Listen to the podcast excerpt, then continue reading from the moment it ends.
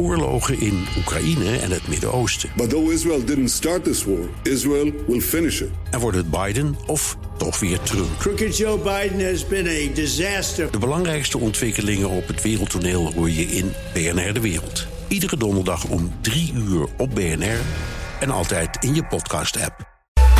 BNR Werkverkenners wordt mede mogelijk gemaakt door BrainNet. BrainNet voor zorgeloos en professioneel personeel inhuren. BNR Nieuwsradio. BNR Werkverkenners. Rens de Jong. Je hebt een briljant idee en je gaat ermee naar je leidinggevende. En wat wordt er vervolgens mee gedaan? Niets. We kennen het allemaal. En daarom duiken we in deze werkverkenners in de hoofden van onze bazen. Waarom wordt het ene idee wel opgepikt en het andere niet? En hoe kan je nou als werknemer zorgen dat met jouw suggesties wel wat wordt gedaan? Want als het niet gebeurt, ja, dat gevoel kennen we allemaal. Mensen die uh, uh, toch vaak op het werk dat ze suggesties hebben om dingen te verbeteren, dat ze suggesties hebben om een probleem op te lossen, dat uiten ze, dat, dat, dat communiceren ze naar een en vervolgens gebeurt er niks mee. Nou ja, dat is frustrerend aan de ene kant natuurlijk, demotiverend. Want je denkt van ja, waarom zou ik nog een keer een idee uh, gaan, gaan uh, communiceren? BNR Werkverkenners. Mijn naam is uh, Roy Seibom en ik ben universitair docent bij de Universiteit van Amsterdam bij de vakgroep Arbeids- en Organisatiepsychologie. Ja, en jij doet onderzoek naar leiderschap en hoe leiders omgaan met creatieve en innovatieve ideeën. Klopt. Maar waarom ben je dat gaan doen? Nou, dat, dat komt eigenlijk voort uit uh, het idee dat uh, binnen organisaties vaak mensen hele goede ideeën hebben. En dat je dan hoort van ja, er wordt eigenlijk niks mee gedaan door een leidinggever. Wordt veel gezegd, hè? Dat, dat hoor je vaak op, op, op, feestjes. Uh, als je met mensen. Ze, die hoge heren doen er niks mee. Ja, ja. Dat zette me wel aan het denken. Dat ik dacht van ja, waarom is het nou eigenlijk dat de ene leidinggevende wel open staat en iets met die ideeën doet en een andere leidinggevende niet? En dat is dus precies wat Roy is gaan onderzoeken. En wat bleek? Hoe leidinggevenden reageren op ideeën, dat hangt af van wat ze motiveert.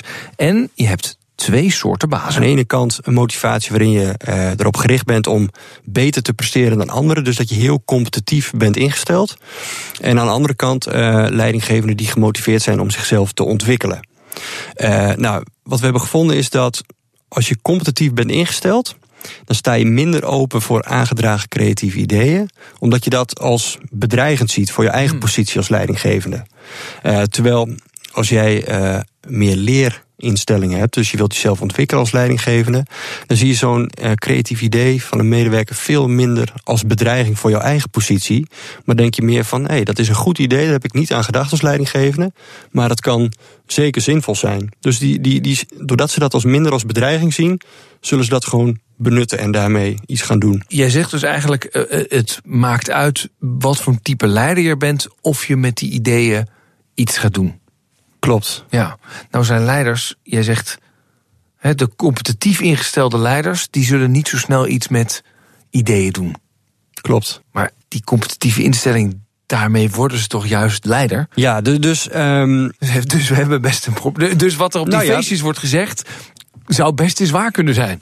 Ja, dus um, kijk, ik zeg niet dat, dat, dat zo'n competitieve, uh, motivationele instelling, dat dat altijd slecht is. Het kan ook heel veel goede dingen opleveren. Hè. Dus uh, de prestaties van een bedrijf kan het best gunstig zijn. Maar als je specifiek kijkt naar wat het voor effect heeft op hoe zij omgaan met suggesties die worden gedaan door een medewerker. Mm. En dus iemand die lager in de hiërarchie staat in de organisatie, heeft dat wel een, een nadelig effect. En um, dat is interessant om te weten, omdat om als organisatie uh, innovatief te blijven, zijn die creatieve ideeën van medewerkers cruciaal. Want op de werkvloer en lager in de organisatie lopen ze vaak tegen problemen aan. Uh, waar, waar ze misschien uh, hoger in de organisatie geen weet van hebben.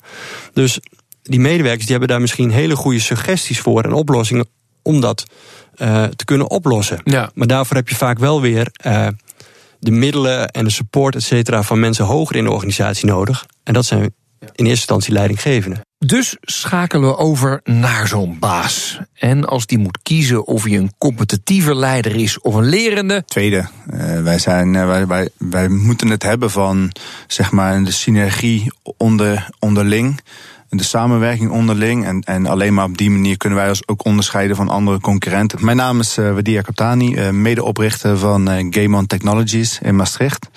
Een bedrijf dat zich richt op het ontwikkelen van videotechnologie voor topsport. Wat is dat precies dan? Wij geven eigenlijk live video in de handen van de coach. dus op het veld tijdens, tijdens de training of tijdens een oefensessie kan die meteen beschikking hebben over videobeelden die onze camera's die rondom het veld staan geposteerd. die beelden worden opgenomen en meteen eigenlijk teruggestuurd naar het veld. Ah, oké. En dan kan hij eigenlijk een soort wedstrijdanalyse tijdens de training maken, zoiets? Ja, of uh, ja, we hebben natuurlijk uh, bijvoorbeeld atleten die bezig zijn, één op één met een trainer. Die kunnen dan gebruik maken van die camerabeelden. maar ook gewoon inderdaad tactische trainingen ter voorbereiding op een wedstrijd. Gewoon dat er meteen die beelden eigenlijk op het veld beschikbaar zijn. Waar je normaal gesproken ziet dat, dat bijvoorbeeld die feedback wordt in topsport heel veel gegeven op basis van video. En, maar nu zie je dat het een dag duurt bijvoorbeeld. Dus oh ja. de dag daarna dan krijgen die spelers dat terug. Ja, en die spelers die de emotionele verbinding zeg maar met dat moment voor die speler, ja, die moet eigenlijk zo kort mogelijk bij het moment zijn. Ja. Ja. Hoeveel, hoeveel mensen werken jullie bij je bedrijf? Ongeveer tien. Oké. Wat inhuur en wat vaste mensen. En, ja. ja. En, en jij bent een van de bazen?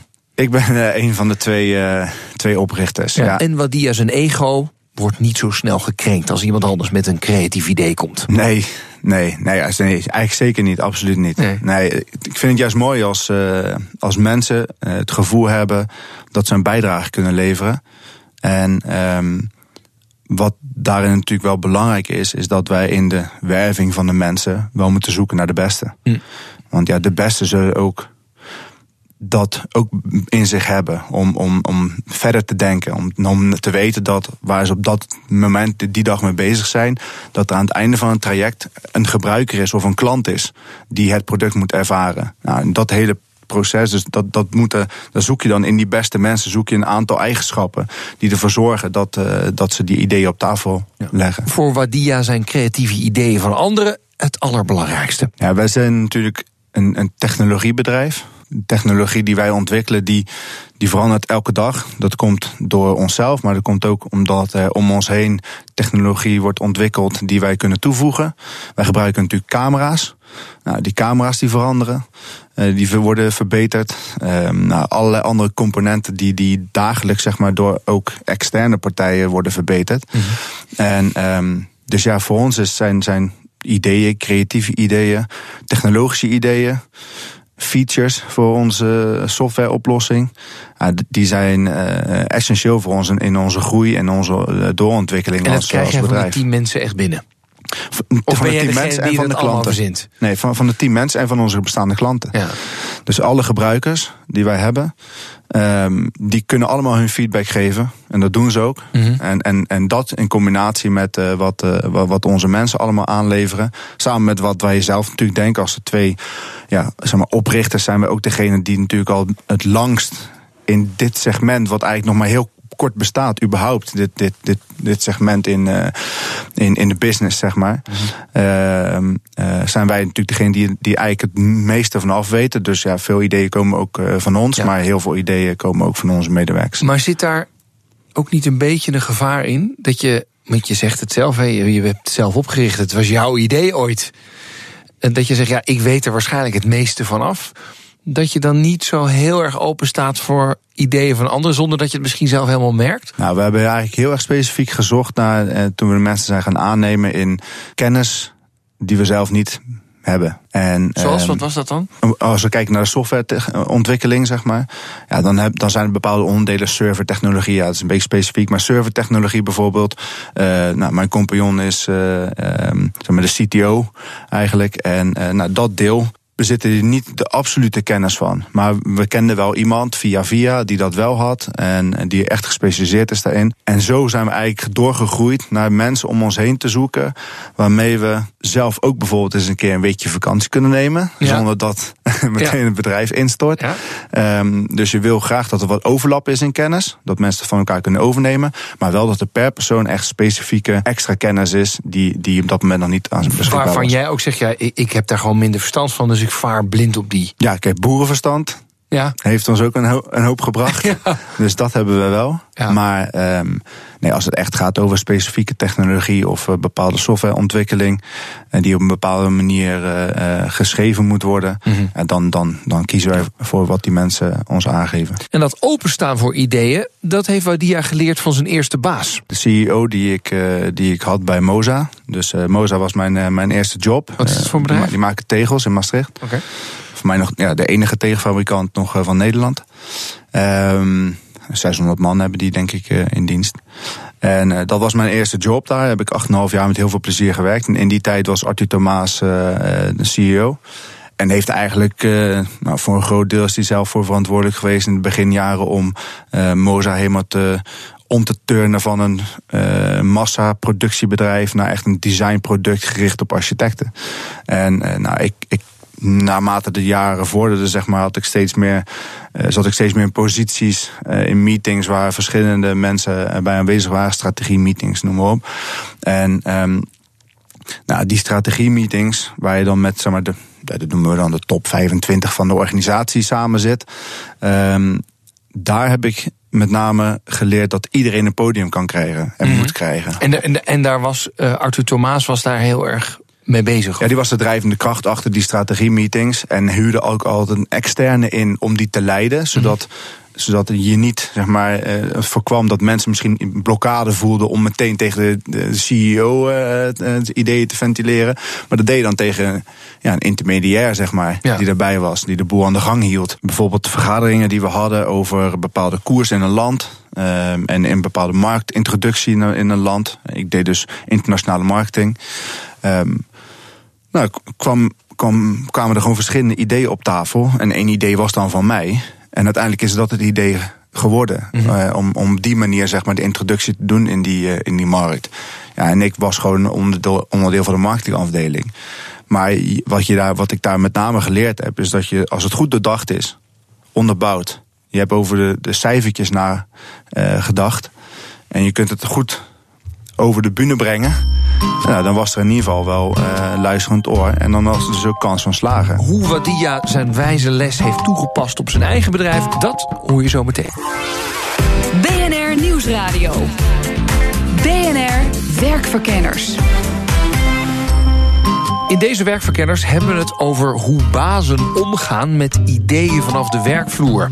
Wadia Kaptani is medeoprichter van Game On Technologies. Hij vindt dat je een idee vooral moet beoordelen op zijn inhoud en niet op wie het idee indient. Dat heeft hij geleerd van zijn eigen baas toen hij werkte bij tegelbedrijf Moza in Maastricht. Ik weet bij één uh, project dat hij wel zoiets had van dit hebben we nog nooit gedaan. En, en was zeg maar geen hele mooie beursstand die we normaal altijd maakten. Maar was meer een beetje richting, ja, ik zou zeggen, guerrilla-achtige marketing. En um, ja, ik stond er toch voor open uiteindelijk. Gewoon de manier waarop ik denk ik eh, vertel, enthousiast en me enthousiast heb gemaakt. Uh, dacht hij van oké, okay, je hebt over het hele plaatje nagedacht. En uh, we gaan het gewoon doen. Wat geeft dat voor gevoel voor jou? Want je was toen nog een jonge vent. Ja. Nu nog steeds trouwens. maar wat voor gevoel geef je dat dan? Ja, het is toch een overwinning. Ja. Zeg maar, je wilt toch, je, je staat er zelf voor 100% achter. Dat je denkt van nou, dit heb ik hier goed over nagedacht. Ik, ik ben vaak in het land geweest, ik heb met mijn collega's daar gesproken. Ik denk dat we op deze manier echt iets kunnen vernieuwen, zeg maar, in de manier waarop we de markt bewerken. Mm. En uh, ja, dus dan sta je er helemaal achter. En als het dan lukt, ja, dat is dan een overwinning. Oké, okay, je hebt dus van hem geleerd om echt daadwerkelijk naar iedereen te luisteren en dat ook. Nou ja, elk plan op zijn waarde te beoordelen in plaats van uit, uit, uit welke hiërarchie komt dit idee. Nou, heb je zelf een bedrijf gestart. Was dat meteen makkelijk voor jou om dat te incorporeren? Nou, in het begin waren we met z'n tweeën. Ja, oh, dat dus, is makkelijk. Ja. Op een gegeven moment komen er, ga je mensen aannemen. Ja. ja, ik denk dat dat ook belangrijk is dat je de juiste mensen aan boord hebt. Kijk, wat, wat bij Moza gebeurde, je kon niet zomaar ideeën spuien, zeg maar dan werd je wel ook, afgeserveerd. Als het niet goed genoeg onderbouwd was en de kwaliteit was niet goed genoeg, en je had niet lang genoeg over nagedacht, je had niet wat gespaard met mensen erover om wat feedback te krijgen en input te krijgen, ja, dan, dan kon je het best goed laten. Maar dus dat, dus dat, dat zoek ik ook wel bij onze mensen. Hè? Dat, dat je niet zomaar wat roept, maar dat je er wat roept alleen maar als je erover nagedacht hebt. Ehm, als je het getoetst hebt, zeg maar. En het hoeft niet helemaal doorberekend te zijn. Het mag ook best wel eens een keer mogen we wat risico nemen. Maar ehm, nee, je moet er gewoon goed over nadenken en, en weten. En dat proberen we met, met, met de organisatie elke dag te doen. Is dat we allemaal bezig zijn eigenlijk aan één ding. Ja. En dat ene ding is onze klant happy houden. En zorgen dat die elke dag beschikking heeft over de beste technologie die op dit moment bestaat. Nou, dat, daar moeten we met z'n allen aan werken. Ja, bij mijn bedrijf uh, uh, zitten we ook een beetje in de development van software en dat soort dingen met creatieve ideeën. En dan uh, komt er vanaf de werkvloer een idee. En dan denk ik, ja, dat is een goed idee, maar dat is een goed idee over zes maanden. Want ik heb eerst nog dit, dat, dat, dat en dat. Het grappige is, dat krijg ik laatst kreeg ik dat weer als feedback terug, dat mensen dan willen, ja, wat doe je dan precies met het idee? En dan zeg ik, ja, het, ligt op de staat, het komt nog, maar hoe ga jij daarmee om? Ja, ja, dat is een hele goede vraag. Ja, kijk, als. Uh, ik moet zeggen, in, in onze organisatie. Het is uh, ook wel gewoon echt hollen, zeg maar. Hè. Dus het is. Uh, ja, je krijgt elke dag. Of ja, je krijgt veel klanten erbij. Je groeit. Dus je bent veel aan het ontwikkelen voor die klant. En dus je gaat vragen gestuurd ontwikkelen eigenlijk. Um, nou, er is bijvoorbeeld een idee over bepaalde beeldanalyse te gaan maken. Nou, dat is echt een apart project. En de mensen die we nu hebben, zijn eigenlijk niet, die hebben niet de tijd om dat ernaast te gaan doen. Dan moeten gewoon een paar man op gaan zitten, twee jaar misschien. En um, dus als dat idee komt, wat gewoon een ontzettend goed idee is, dan, um, ja, dan, dan moeten wij met z'n tweeën eigenlijk gaan nadenken: oké, okay, hoe gaan we dat dan nu inrichten? Ja. We hebben de mensen nodig eigenlijk voor het reguliere doorontwikkelen, het, support geven aan, uh, aan, uh, aan onze bestaande klanten. En um, ja, wat, wat, dan is het eigenlijk, dan komt het gewoon bij ons niet terug. En uh, zijn wij ervoor verantwoordelijk om daar een project van te maken op, welke, op een bepaalde manier. Ben je daar dan helder genoeg in? Of krijg je soms ook wel eens van ja, gast. Uh, dit, was een goed, dit is een goed idee. Het schiet maar niet op. En ik hoorde niks meer van. ja. Heb je dat of niet? Ja, nou, er zijn inderdaad wel een aantal. Uh, kijk, kijk, soms moet je gewoon iets afkappen. Ja. En dan uh, kunnen we daar heel lang over discussiëren met de mensen. En, maar dan is het gewoon, ja, streep eronder. Het gaat gewoon nu niet gebeuren. Ja. En dan kunnen we eens zeggen of, of het over zes maanden gebeurt. Want misschien zijn we over zes maanden wel met iets heel anders bezig. Ja. En, en jij ook. Dus dan is het gewoon klaar. Sommige beslissingen zul je toch gewoon moeten nemen. Omdat je, denk ik, met z'n tweeën in ieder geval... Uh, kennen wij, denk ik, uiteindelijk toch het, het beste wat er allemaal bij komt kijken. Terwijl die mensen op hun vakgebied heel erg goed zijn. Ja. Ja, wij zijn ervoor voor verantwoordelijk om, om natuurlijk het, de input die zij geven op hun vakgebied te vertalen naar de hele bedrijfsstrategie.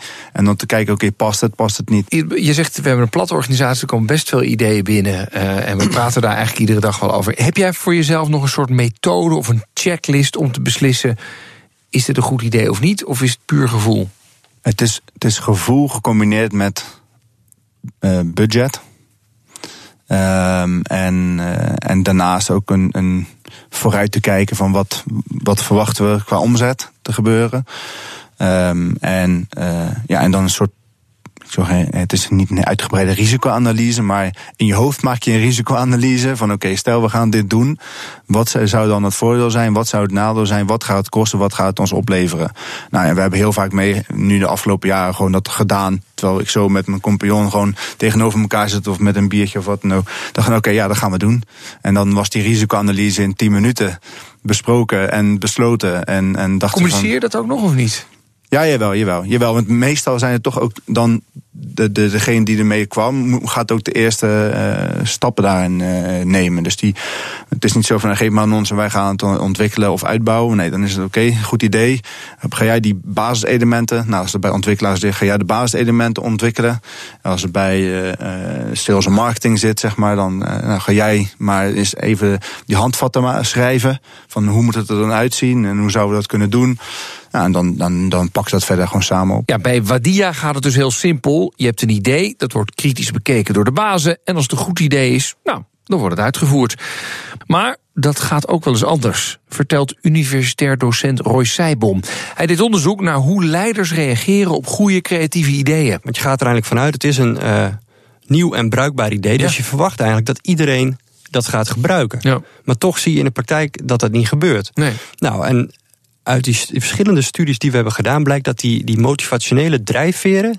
Die leidinggevenden dan hebben, die zorgen ervoor dat, eh, dat zij de situatie, de werksituatie en informatie die tot hen komt, verschillend interpreteren. Dus ze En- interpreteren het dus gewoon minder waardevol als het van een ander komt. Als je competitief bent ingesteld, schat je het gewoon minder waardevol in. Nee, dat is het grappige. We hebben wel gevraagd van hoe creatief vond je dat idee? En zowel eh, leidinggevenden die competitief waren als die een leeroriëntatie hebben, vonden het allebei even creatief. Dus ze vonden allemaal een goed idee en toch reageren ze anders. Maar, wat, wa- maar eh, konden ze dat achteraf dan verklaren?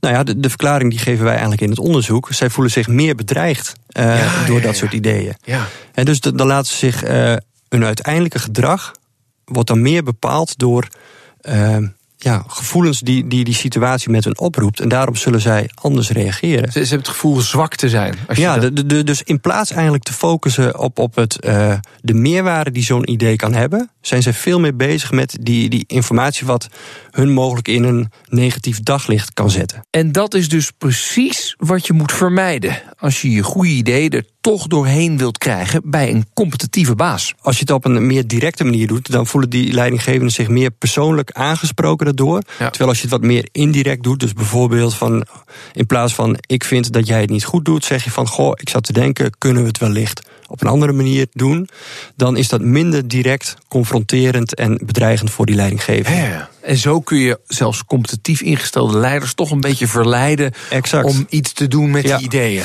Precies, want, want die competitief ingestelde leidinggevenden die zijn heel gevoelig voor nou ja, hun aanzien, hun status ten opzichte van anderen. En die zijn de hele tijd zijn ze aan het kijken van hoe doe ik het ten opzichte van anderen.